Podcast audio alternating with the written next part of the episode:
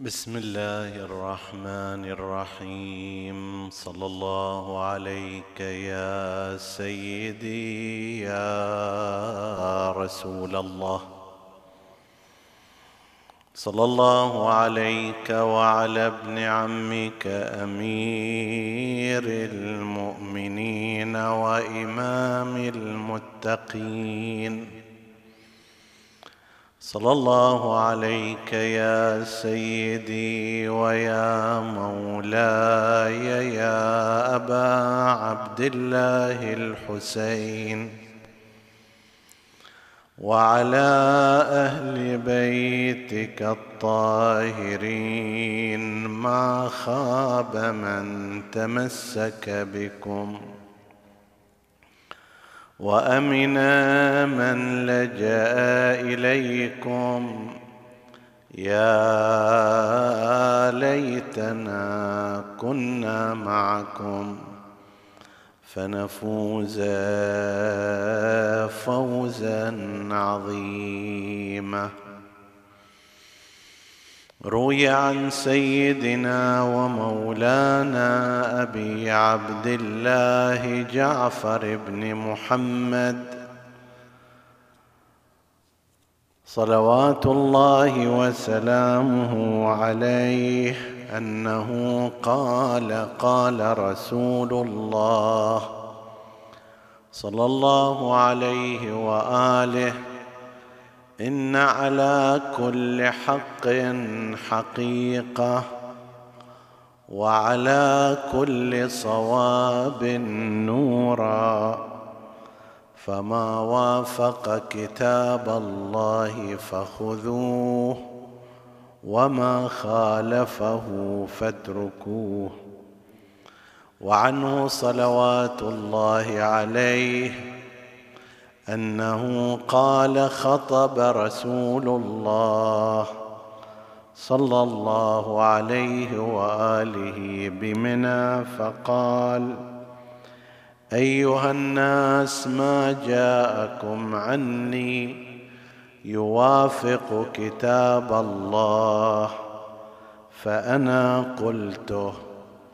وما جاءكم يخالف كتاب الله فلم أقل صدق سيدنا ومولانا النبي محمد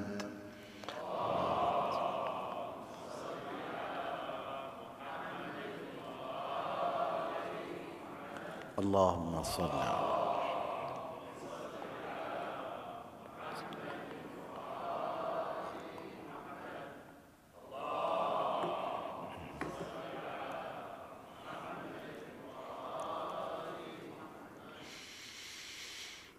حديثنا بإذن الله تعالى يتناول الإجابة على بعض الأسئلة التي توجه لكتاب الكافي ومدى الاعتماد عليه من قبل الإمامية.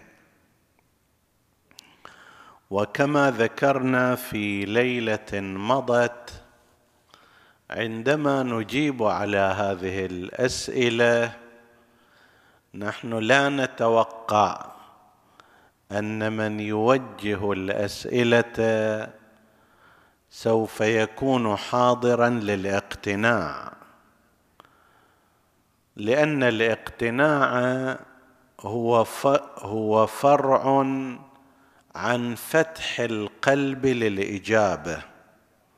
أما إذا كان الطرف يريد أن يوجه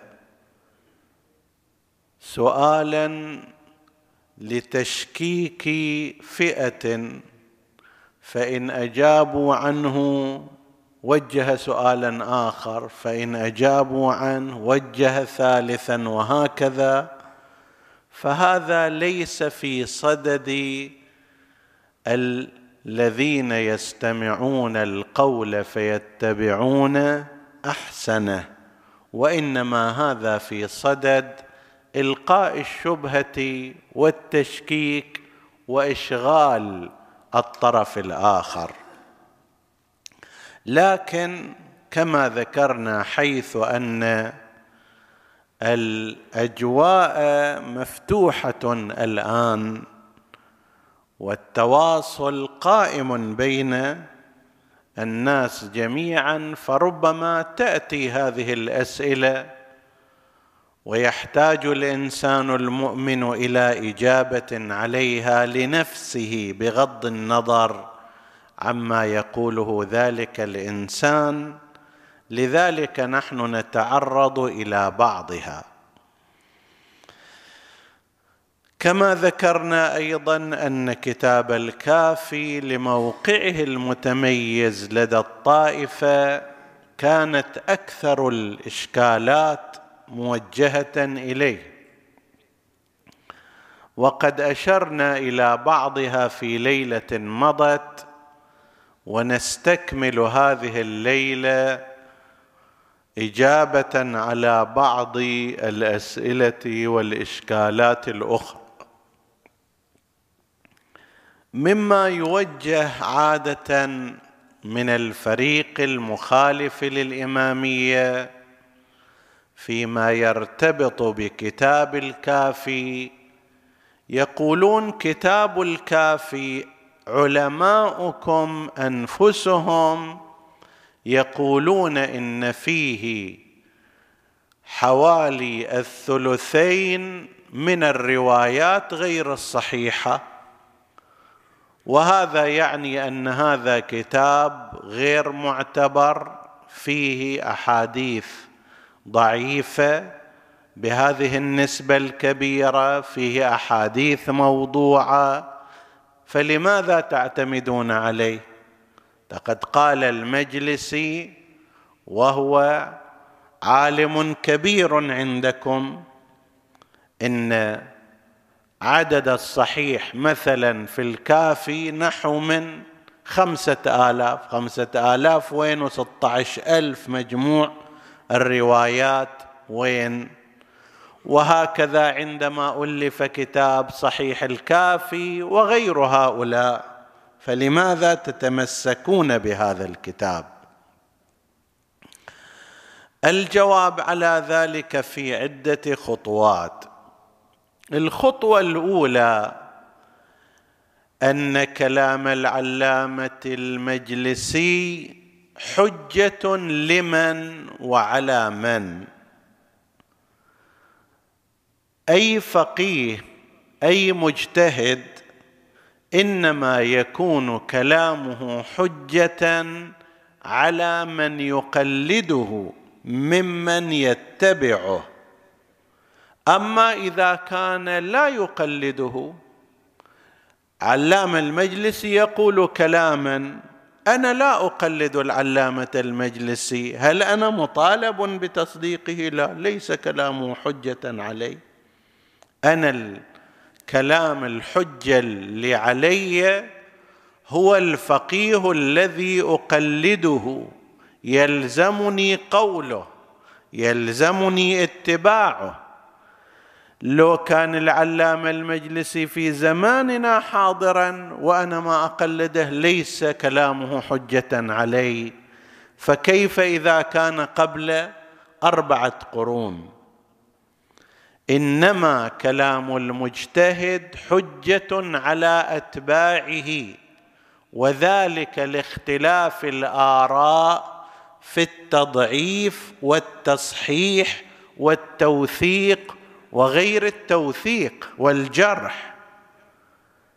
فإذا كان قال عالم من العلماء شيئا من الأشياء وأنا لا أقلده لا يلزمني قوله ولا يكون حجة لي. طيب إذا ما كان حجة علي ولي وأنا إمامي اثنا عشري فكيف يكون حجة لشخص آخر يعتبر العلامة المجلسي من الأساس ضال من الأساس معالم من الأساس ليس بحجة؟ كيف يكون حجة له؟ إذا كان قوله ليس حجة لي باعتبار عدم تقليدي له هل يكون حجة لشخص آخر من خارج الدائرة الإمامية؟ إذا قول حجة من خارج الدائرة الإمامية زين اقبل كلام العلامة المجلسي فيما يرتبط بقضية النصوص على أهل البيت. اقبل كلام العلامة المجلسي في البحار في مطاعن بعض الأشخاص. إذا كلام حجة وصادق ومقبول فلماذا لا تقبله هناك؟ إنما يكون نظرا كما قلنا لاختلاف الآراء والمسالك. قد يكون واحد. العلام المجلسي يقول هكذا بينما من كان معه في نفس الزمان مثل الشيخ محمد أمين الاسترابادي من علماء إخوتنا الأخباريين العلماء الكبار هذا يعتقد أن كل كتب الأربعة كلها صحيحة ما في كلام فيها ابدا. زين ليش ما يكون هذا كلامه حجة وذاك كلامه ليس بحجة؟ هذا كلام حجة على من يقلده ذاك كلام حجة على من يقلده ويتبعه. هذا الأمر الأول.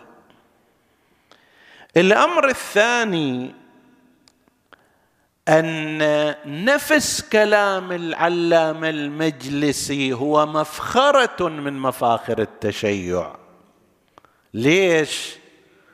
لأن قيام واحد من علماء الطائفة الكبار بنقد وتحقيق كتاب حديثي يعتبر الكتاب الحديثي الأول وانتهائه إلى نتائج ايا تكن النتائج بس يخليه محل بحث علمي ونقاش موضوعي وقول أنا رأيي أن هذا فيه ضعيف وفيه صحيح وأدلتي على ذلك كذا وكذا. هذا نفسه مفخرة. العيب إذا بصير أن تجيب كتاب وتعتبره خرسانة مسلحة.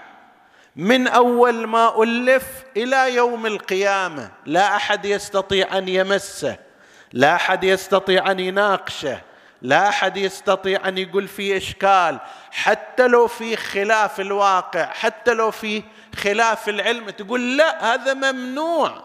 هذا شيء مقدس ما حد يقدر يلمسه. جمدوا عقولكم أغلقوا عليها الأقفال واقبلوه كما ألف من دون أن يناقش فيها أحد أو يجرح فيه أحد أو ينتقده أحد أو يتنقصه أحد. هذا صار أخي القرآن الكريم. المفخرة مو هنا. لأن هالكتاب بصير هالشكل وذاك الكتاب بصير هالشكل وهذا العالم بصير هالشكل وذاك العالم يصير بنفس الطريقة. المفخرة هي أن كتابا يستطيع عالم من علماء نفس الطائفة من داخل المدرسة عند إمكانية عند رأي عند فقاهة عند اجتهاد ويقول بناء على هذه الأدلة أنا أرى أن هذا الكتاب كذا وكذا وهالكتاب يستقبل في الحوزات والحواضر العلمية ويطبع ويقرأه العلماء ويقرأه طلاب العلم؟ وما في مشكلة في هذا. المفخرة هنا. هنا تعال شوف الحرية الفكرية. هنا انظر إلى تقديس العلم.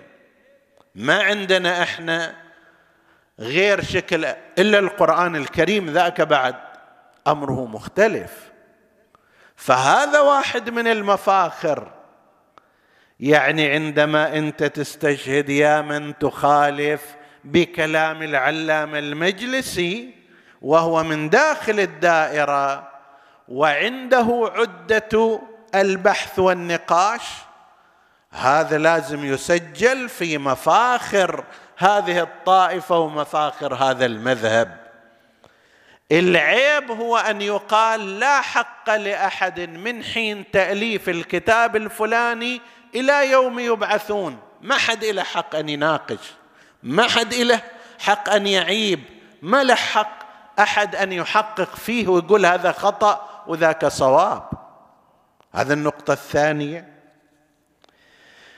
النقطة الثالثة دع دعنا نمشي معك أيها القائل. نعم.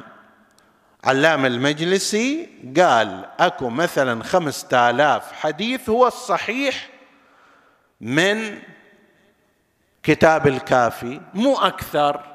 مع ذلك هو مرتين قد أهم صحاح مدرسة الخلفاء كصحيح البخاري.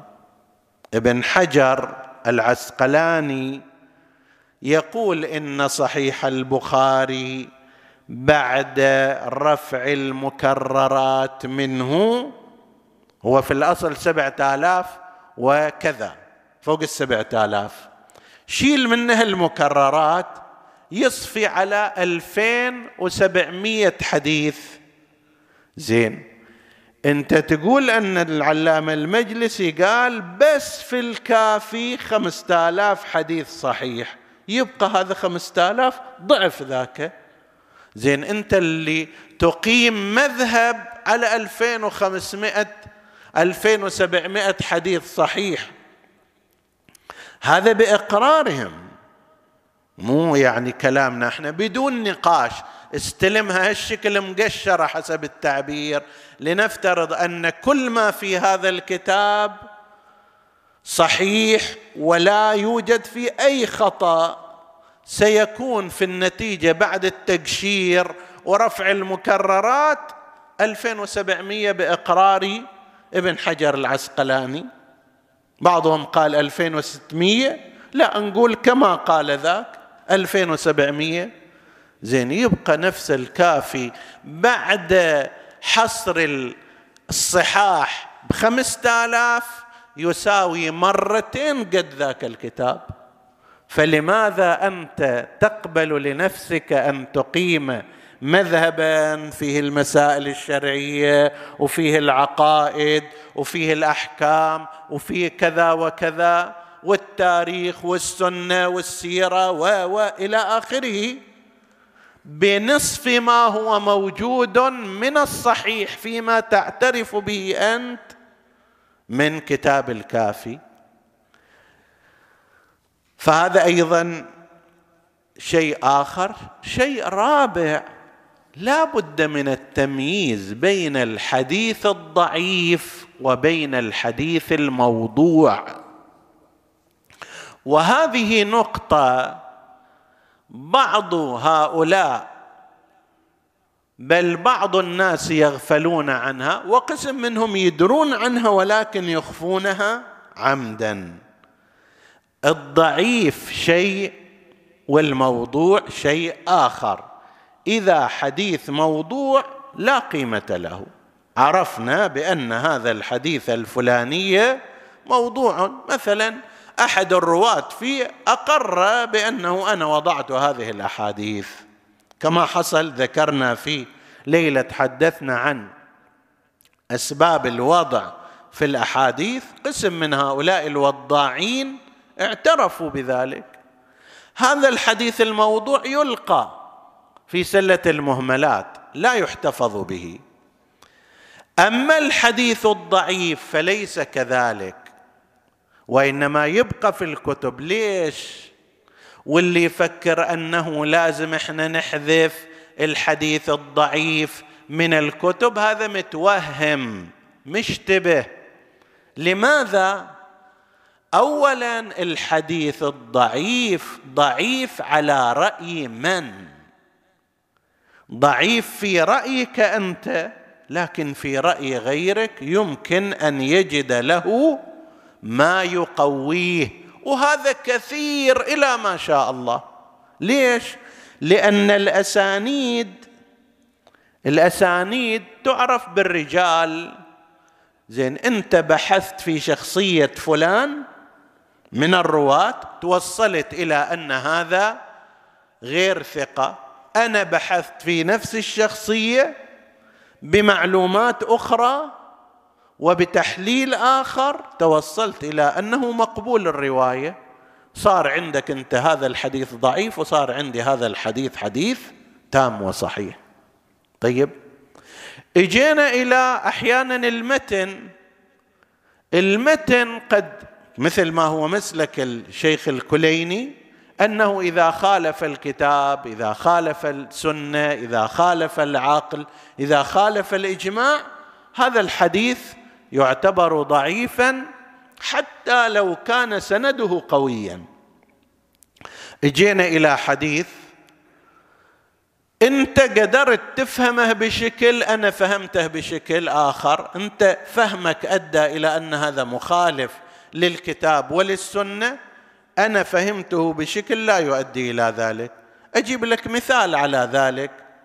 عندنا حديث معروف. وربما استشهدنا به في بعض المواقع أن النبي صلى الله عليه وآله لذكره صلوا عليه.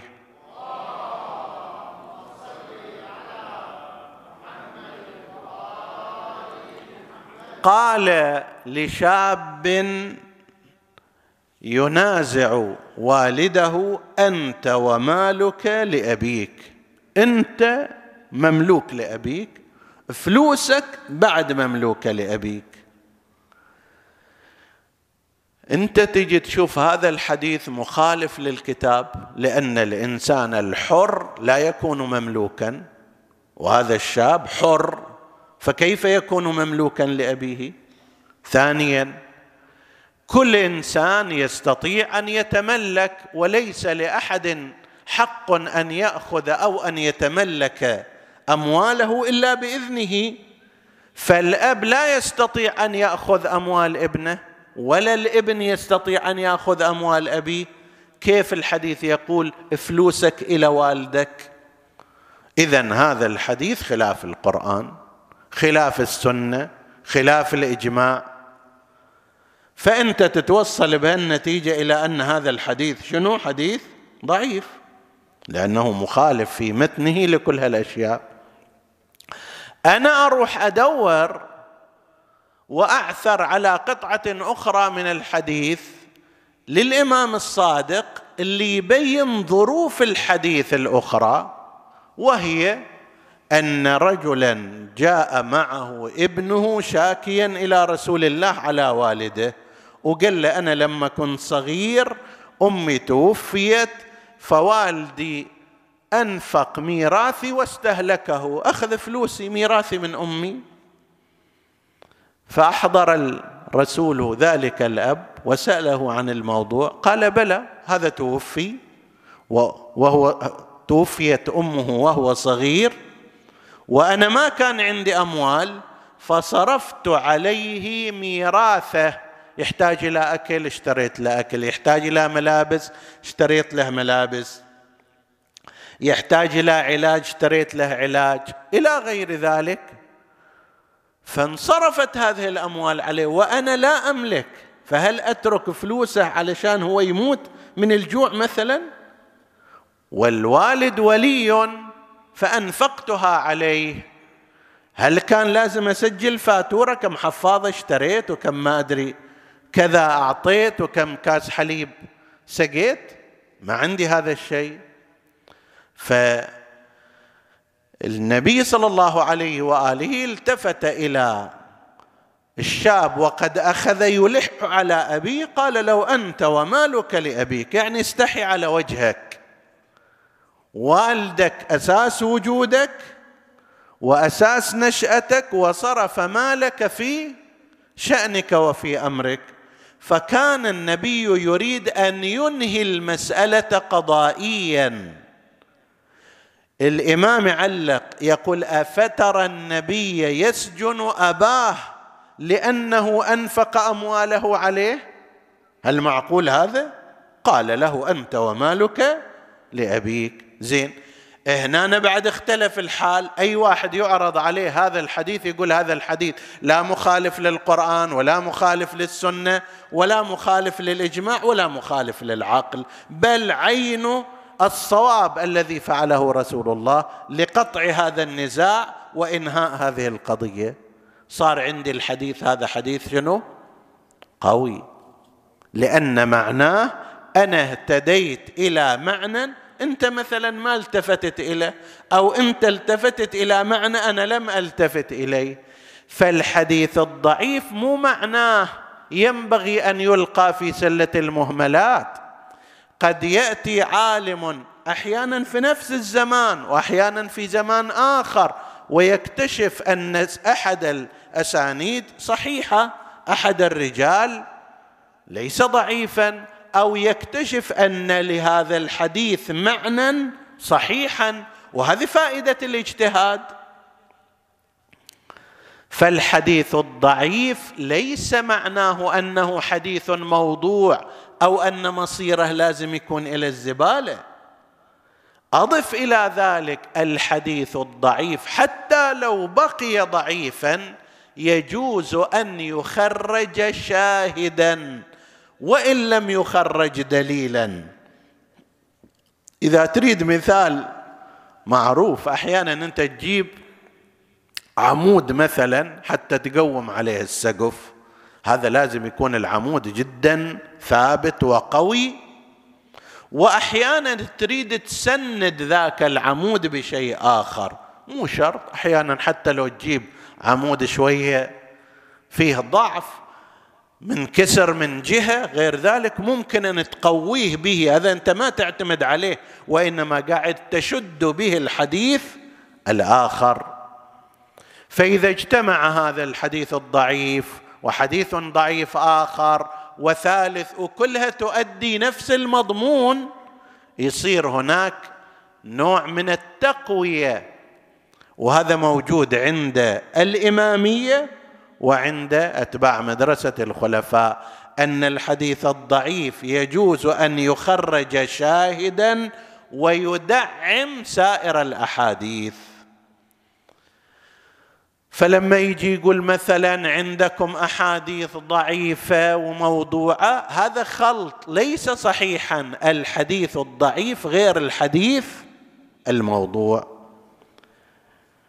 هذا أمر ثاني وبالتالي ما ذهب إليه بعض ممن وجه هذا السؤال والإشكال من أن كتاب الكافي باعتراف أئمة العلم عند الشيعة فيه أحاديث ضعاف ونسبة كبيرة جدا نقول اولا هذه لا حجة لكم فيها لأن من يقول هذا أنت لا تعتبر حجيته وحجية كلامه وإلا لو كنت تعتبر كلامه حجة لازم تاخذه في سائر الأمور. وثانيا هذا مفخره من مفاخر الشيعة أن بإمكان أي عالم مجتهد أن يناقش أي كتاب حديثي عند الإمامية وأنه ما عندنا خطوط حمراء أنه فلان خلص لا أحد يقربه.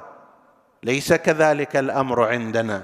إضافة إلى ذلك حتى لو قبلنا هذا الكلام فان ما يبقى من الحديث الصحيح في الكافي هو ضعف ما هو موجود في بعض الصحاح الأخرى ولا بد من التفريق بين الحديث الضعيف والحديث الموضوع.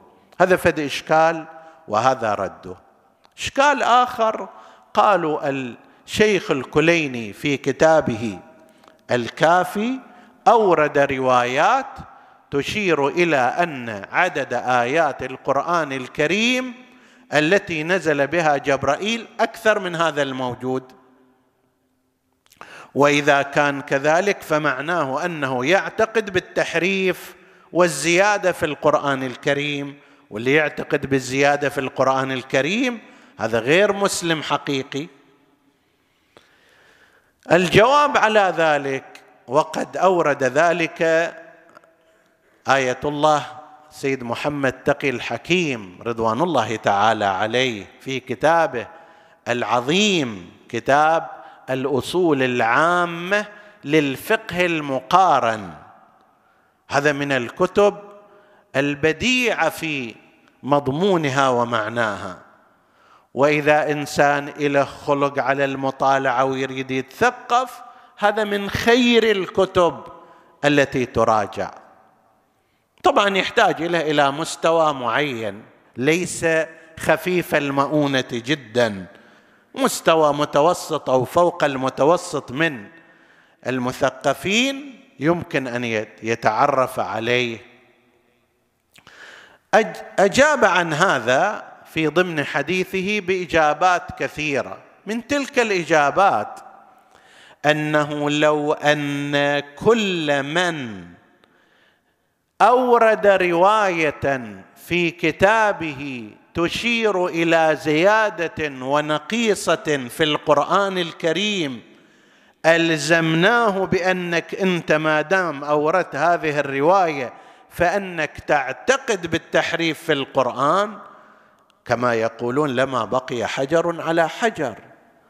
لأن الإمام السجستاني صاحب كتاب المصاحف تعرضنا إليه قبل سنتين في حديثنا عن السلسلة القرآنية ألف كتاب بعنوان المصاحف كتاب المصاحف أورد فيه اختلاف الروايات بين الأصحاب والقراء في القرآن الكريم. هذا يقرأ الآية بهالمقدار من الزيادة ذاك بهالمقدار من النقيصة هذا في كلمة بهالشكل ذاك كلمة بذاك الشكل شيء كثير.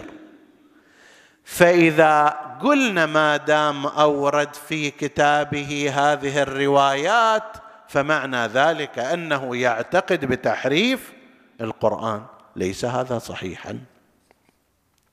بل أكثر من هذا وجدنا أنهم ذكروا في أكثر من كتاب في كتاب الأم للإمام الشافعي في كتاب المصنف لعبد الرزاق الصنعاني في كتاب المصنف لابن أبي شيبه في غيرهما في الإتقان للسيوطي.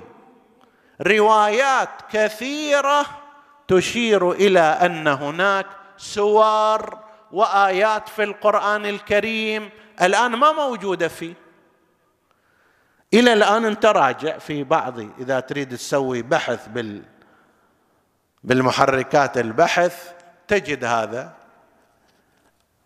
في كتاب الأم على سبيل المثال أنه عن أحد كبار صحابة رسول الله أنه قنت بهاتين السورتين في القنوت. ويجيب سورتان يأتي بسورتين لا وجود لهما في القرآن الكريم. مو قنت بهذا الدعاء قنت بسورتين. فتش عن بهالبحث قنت بهاتين السورتين. هالكلمات الثلاث وتعال أخذ النتائج إلى ما شاء الله.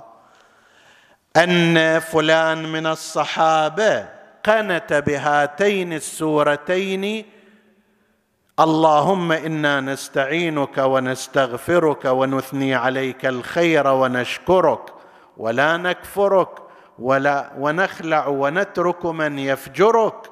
اللهم إياك نعبد ولك نصلي ونسجد. شوف حتى السجع موجود. وإليك نسعى ونحفظ. نرجو رحمتك ونخشى عقابك. إن نخشى عذابك إن عذابك بالكفار ملحق. هذه عنونت بعنوان سورة ومعها سورة أخرى وأن فلانا من الصحابة قد قنت بها. زين معنى ذلك أن الإمام الشافعي لما جاب هذه الرواية يؤمن بالتحريف؟ الصنعاني لما جاء بهذه الرواية يؤمن بالتحريف؟ ابن أبي شيبة لما جاء بهذه الكلمات يؤمن بالتحريف السيوطي وأمثال هؤلاء. فلماذا باؤك تجر؟ وباؤنا لا تجر. وأين قضية آية الرجم والشيخ والشيخة؟ إذا زنيا فارجموهما البتة وآية الرضاع خمس رضعات معلومات يحرمن. وينها في القرآن؟ ما موجودة هذه.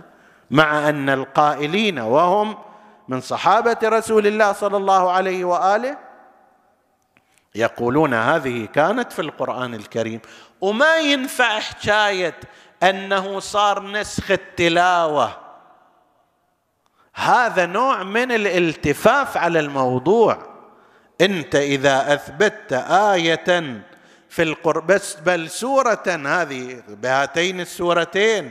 إذا أثبت سورة لازم تقول وينها موجودة لو ما موجودة الآن؟ لما لم توضع إذا كانت سورة؟ مجرد أن واحد يأتي بسورة بذكر رواية فيها أن هناك زيادة أو نقيصة أو غير ذلك لا يعني أنه يؤمن بالتحريف لا سيما إذا كان قد وضع منهجا للتعامل مع الروايات. والكليني وضع منهجا في بداية كتابه للتعامل مع الروايات أنه أي شيء من الأحاديث يأتي يعرض على كتاب الله سنة رسول الله إجماع الطائفة العقل إذا خالف هذه حتى لو سند من أحسن الأسانيد ما علينا منه. وإذا كان يوافق هذه الأشياء حتى لو كان سنده غير تام نقبله.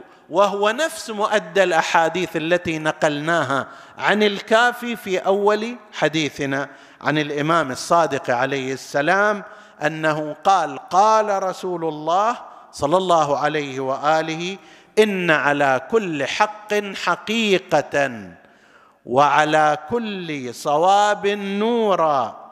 فما وافق كتاب الله فخذوه وما خالف كتاب الله فاتركوه. واحد يقول لنا القرآن في زيادة ما علينا منه وإنا له لحافظون. في القرآن نقيصة ما علينا منه وإنا له لحافظون نعم إذا كان في مقام التاويل يصير أحيانا أن واحد يقول اليوم أكملت لكم دينكم بولاية علي بن أبي طالب. وهاي بولاية علي بن أبي طالب مو جزء من من الآية وإنما تأويل لها وتوضيح لها. هذا ما في مانع. فإنت تجي تجلب والأكثر هو من هذا النوع. يقول لك شوف يجيبون أسماء أئمتهم في في الروايات فإذا هم أتباع التحريف وما شابه. فهذا الذي قيل من أن الشيخ الكليني رحمه الله يؤمن بالتحريف حيث أثبت ذلك بإيراده بعض الروايات نقول في النقد لو كان كذلك لكان ما ورد في كتب مدرسة الخلفاء من سورة الحفد والخلع وعدد الرضعات وزنيا البت والرجم للشيخ والشيخه وما ورد من أنه كانت سورة بحجم المائدة أو الأعراف وأكلتها داجن هي كلها روايات موجودة في المدرسة الأخرى.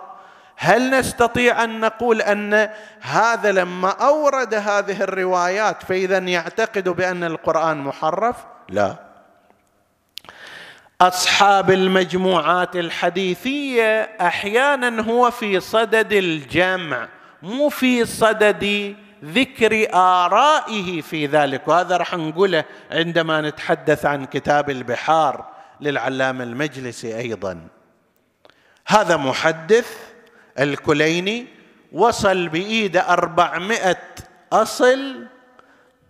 هي الأصول الأربعمائة روايات كثيرة. الآن دوره أن يحفظها. يحفظها مو اللي يوافق رأيه. لا لازم ينقلها. إن وافقت رأيه وإن لم توافق رأيه. بعدين يأتي من يحققها ينتبه إلى وجوه الإشكال فيها. إذا فرضنا أنه هذه على كل تقدير خطأ يكون هذا واحد من المشتبهين. ما فيها نحن لا ندعي عصمة الكليني ولا المجلسي ولا غيره. ولا ندعي معصومية الكتاب كما يدعي غيرنا معصومية بعض الكتب وصحتها بالكامل. فتصير هذه واحدة من الروايات. إذا ما قدر إذا ما صار إليها توجيه معين تصير واحدة من الروايات الضعيفة التي لا ينبغي أن يعمل بها. وقد أوجز القول شيخ الطائفة الطوسي رضوان الله تعالى عليه وهو في طبقة تلامذه تلامذة الكليني. المفيد يحسب في ضمن أساتذة شيخ الطائفة وأساتذة أساتذته لأنه المفيد مدرس للشريف المرتضى وشريف المرتضى أستاذ شيخ الطائفة والكليني في رتبة أساتيذ المفيد. شيخ الطائفة الطوسي اللي يصير حسب تعبيرنا حفيد علمي.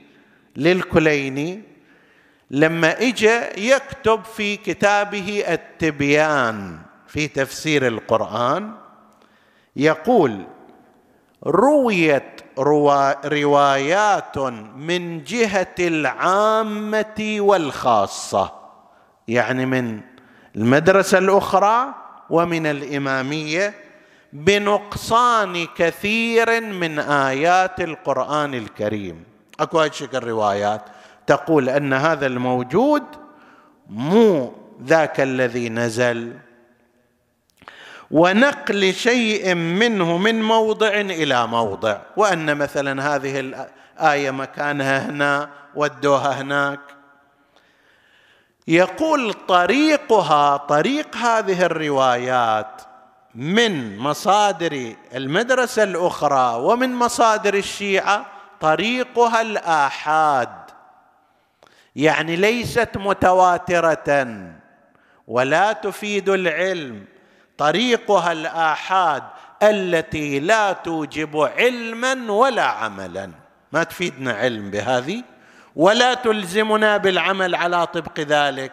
يعني لا أثر لهذه الروايات ولا اعتبار بها. والأولى الإعراض عنها وترك التشاغل بها أصلا ما يحتاج واحد يعالجها وينظر فيها هذه الروايات لأنها على خلاف القرآن الكريم. فهذا أيضا مما يمكن الإجابة به على من يزعم أن الشيخ الكليني لأنه أورد بعض الروايات التي ظاهرها وجود زيادة أو نقص في هذا الكتاب يعني أنه قائل بالتحريف. لعلك تقول أنه ليش ليش حطها هنا؟ طيب إذا أنت الله سهل وكتبت كتابا لا تحطها. أنت تريد أن تفرض منهجك الخاص على شخص ضمن ظروف معينة وعلم معين وأجواء معينة وعاش قبل ألف سنة من الزمان.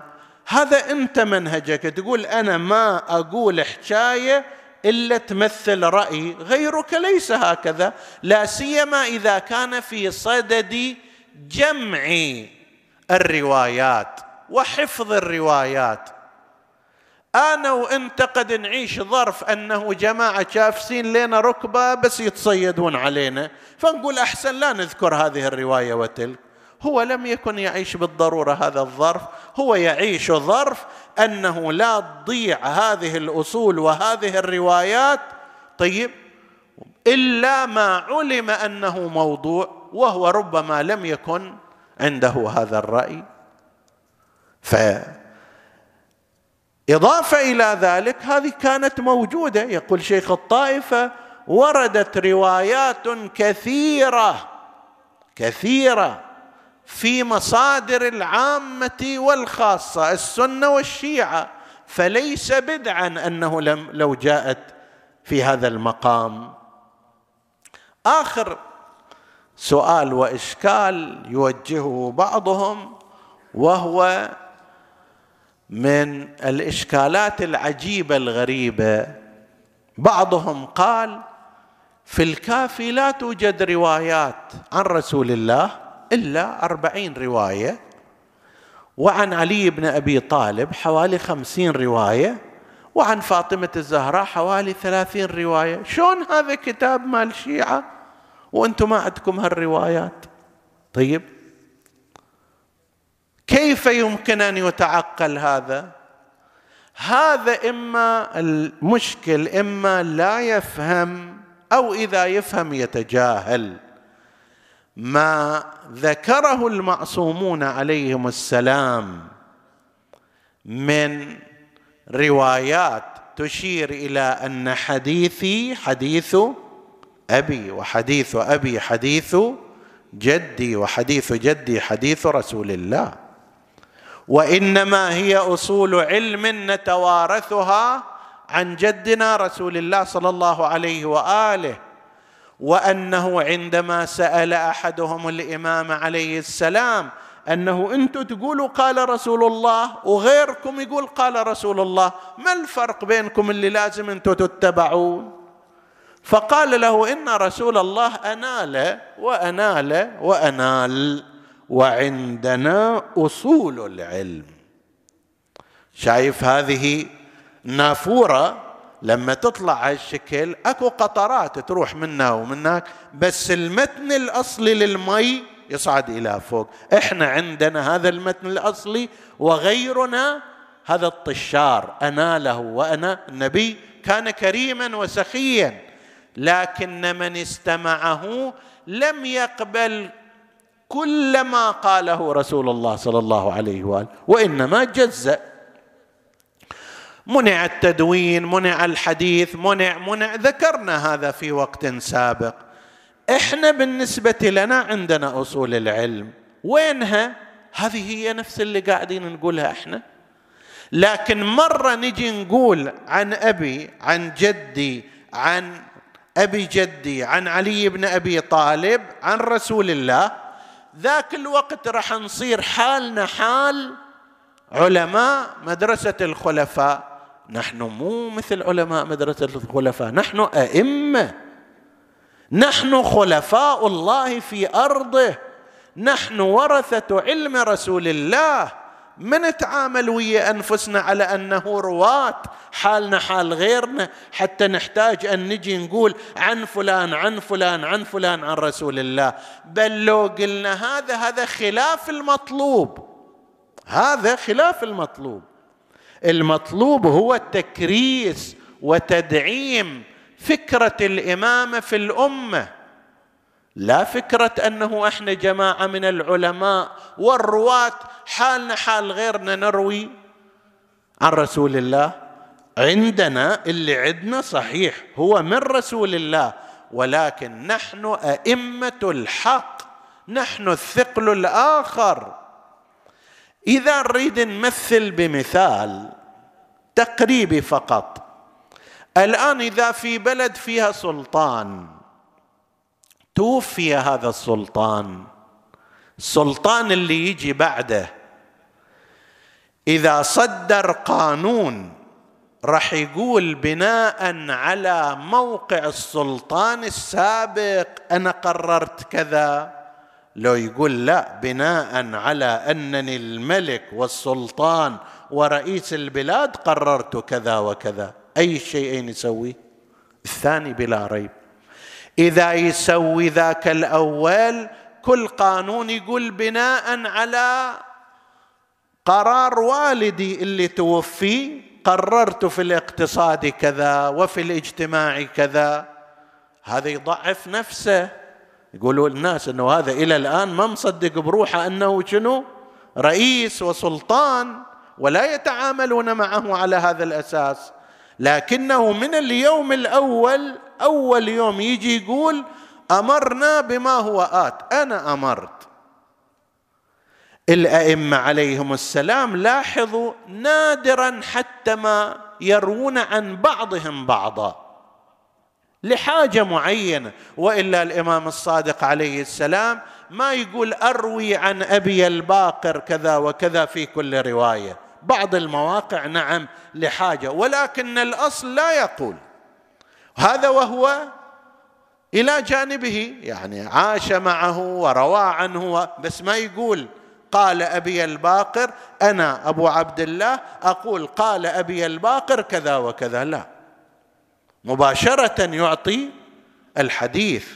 في بعض الحالات لجهات معينة ينسب الحديث إلى رسول الله ينسب الحديث لعلي ينسب الحديث لأبيه الباقر.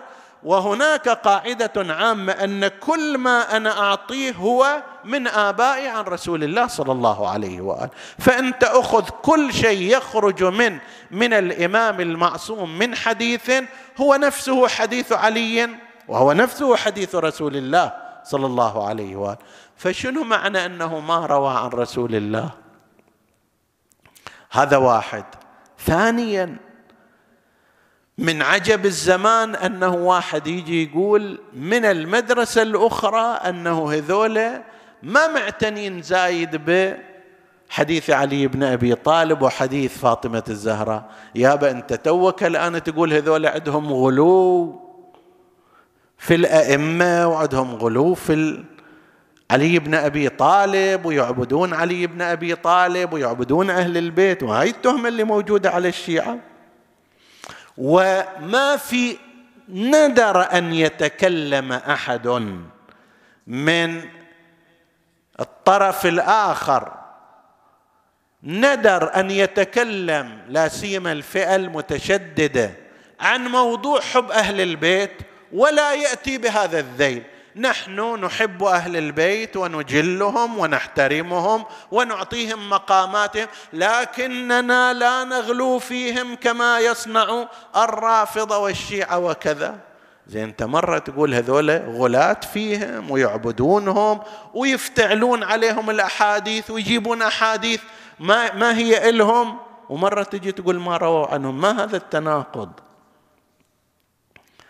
شيعة أهل البيت عليهم السلام لا أحد يسابقهم في المودة لآل محمد.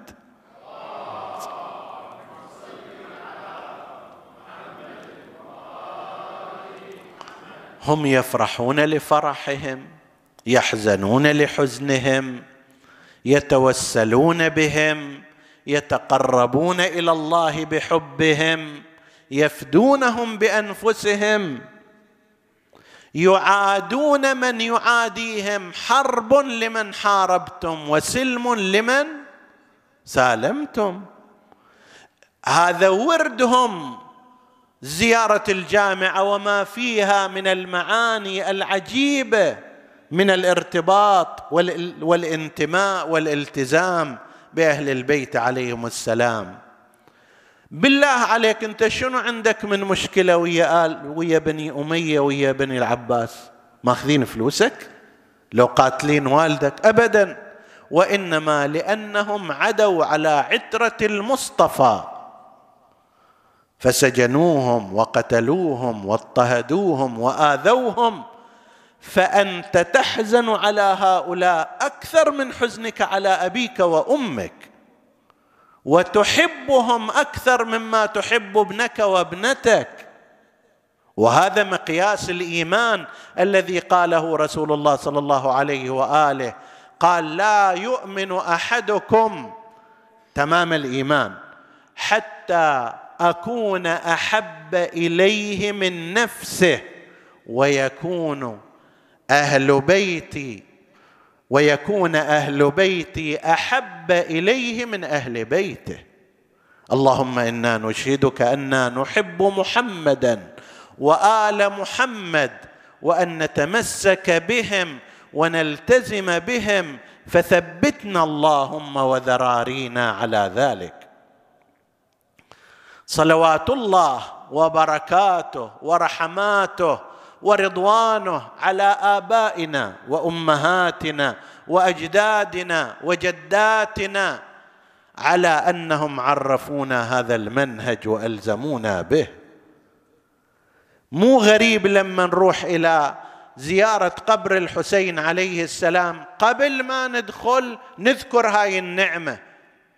إذن الدخول كلكم حافظين الحمد لله الذي هدانا لهذا وما كنا لنهتدي لولا أن هدانا الله. لما واحد يروح هناك يشوف أن مئات الملايين من الناس من المسلمين لم يحظوا بهذه المنزلة ولم يعرفوا هذا المقام ولم يصلوا إلى هذا الشرف في محبة أهل البيت. وأكرمك الله وأكرم أمثالك بأنك وصلت إلى ذلك المكان وإلى ذلك المقام في محبتهم. فإنت تجي الآن يا الطرف الثاني المستشكل تجي تزاحمنا على أنه أنتم ما تستدلوا بحديث علي بن أبي طالب وحديث فاطمة الزهراء. تفضل هاي حديث فاطمة الزهراء عليه السلام. في الكليني رواية جابر بن عبد الله الأنصاري عن فاطمة الزهراء عليه السلام اللي فيها أسماء أئمة أهل البيت واحدا واحدا إلى الإمام الحجة عجل الله تعالى فرجه الشريف. اسم الإمام واسم أبيه واسم أمه أيضا. وهذا إحنا نعتقد فيهم.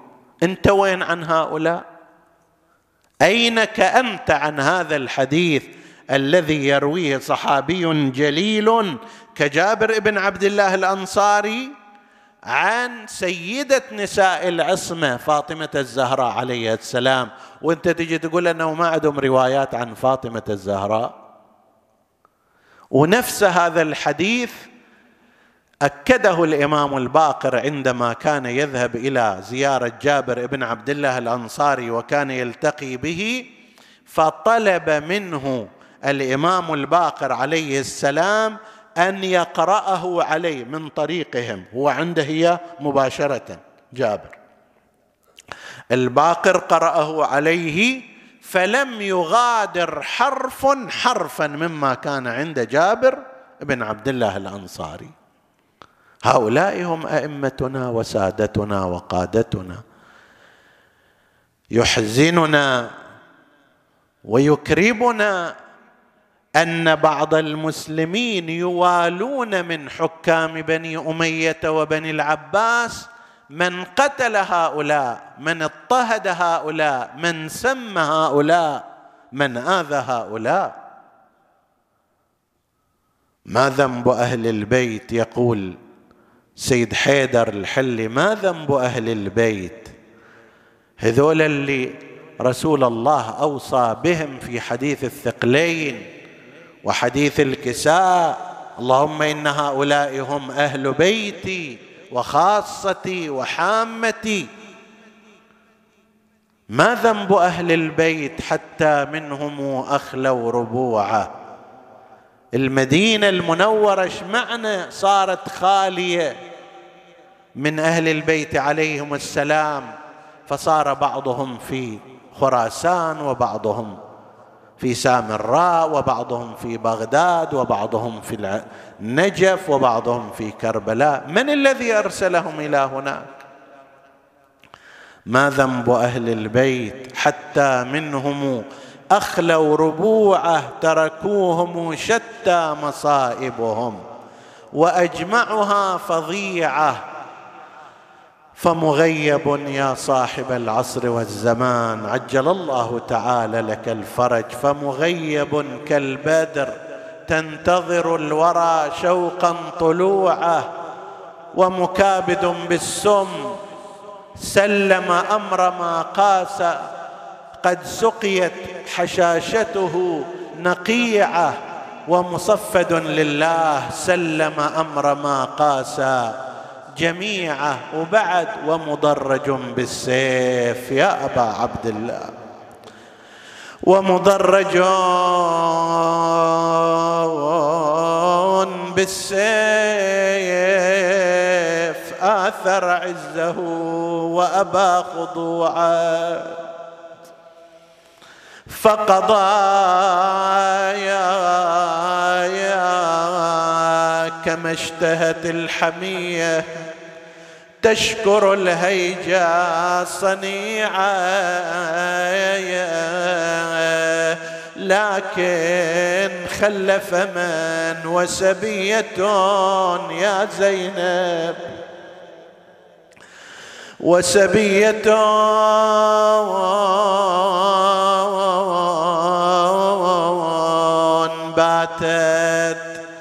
حشاشتها لسيعة بأفعل حب بأفعلها لسيعة. عظم الله أجرك يا سيدتي يا فاطمة. كأني بها ولسان حالها. أنا بكل بلدة وكل وادي من أولادي بدر غاب. ذاب قلبي من مصايبهم ومن الراس شاب كل صباح وكل مسية ينفقد مني ولد شتتوهم بالفيافي ولا يآون ببلد خالية منهم منازلهم ولا فيها أحد. بس حرم واطفال مدهوشين من عظم الانصار بعض عندي بالمدينة وبعضها مو بالبرور. بعض حصل لهم مواري وبعض ما حصلوا قبول كم جسد بالطف عاري وراس بخطي يدور. كم طفل دامي بكتر حسين عاري وكم شبع أفاطم قومي يا ابنة الخير واندبي. نجوم سماوات بأرض فلاتي نسالك اللهم وندعوك. اغفر لنا ذنوبنا كفر عنا سيئاتنا.